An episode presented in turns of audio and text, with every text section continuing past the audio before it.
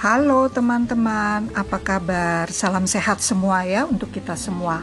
Nah, kembali saya Ati Margono menyajikan catatan harian. Teman-teman, sebetulnya apa sih hikmah di balik pandemi ini? Saat ini semua kegiatan kita kita lakukan di rumah, ya kan?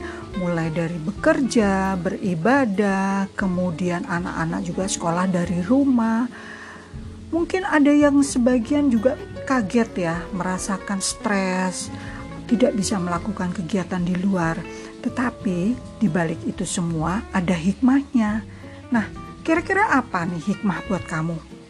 Kalau saya merasakan saya punya waktu luang di rumah, sambil bekerja di rumah, saya belajar memasak. Nah, teman-teman, ngomong-ngomong soal memasak, terus terang nih, saya tuh agak males memasak masak ya secukupnya sebisanya yang bisa saya jadikan buat keluarga tetapi sekarang saya banyak waktu, saya bisa buka-buka YouTube untuk mencari resep-resep masakan dan mencoba mengeksplor masakan tersebut.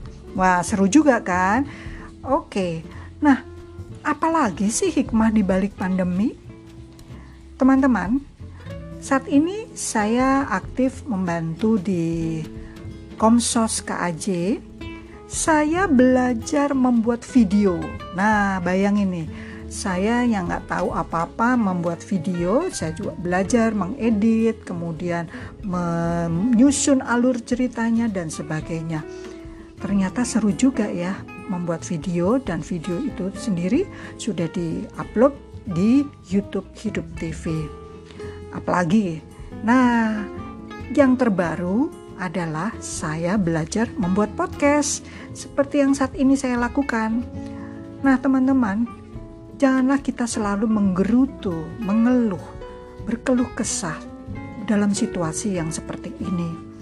Terimalah ini sebagai suatu rahmat Tuhan di mana kita bisa meluangkan waktu untuk keluarga, di mana kita bisa berbagi dengan suami, bagaimana komunikasi kita diperbaiki, hubungan relasi dengan keluarga juga diperbaiki.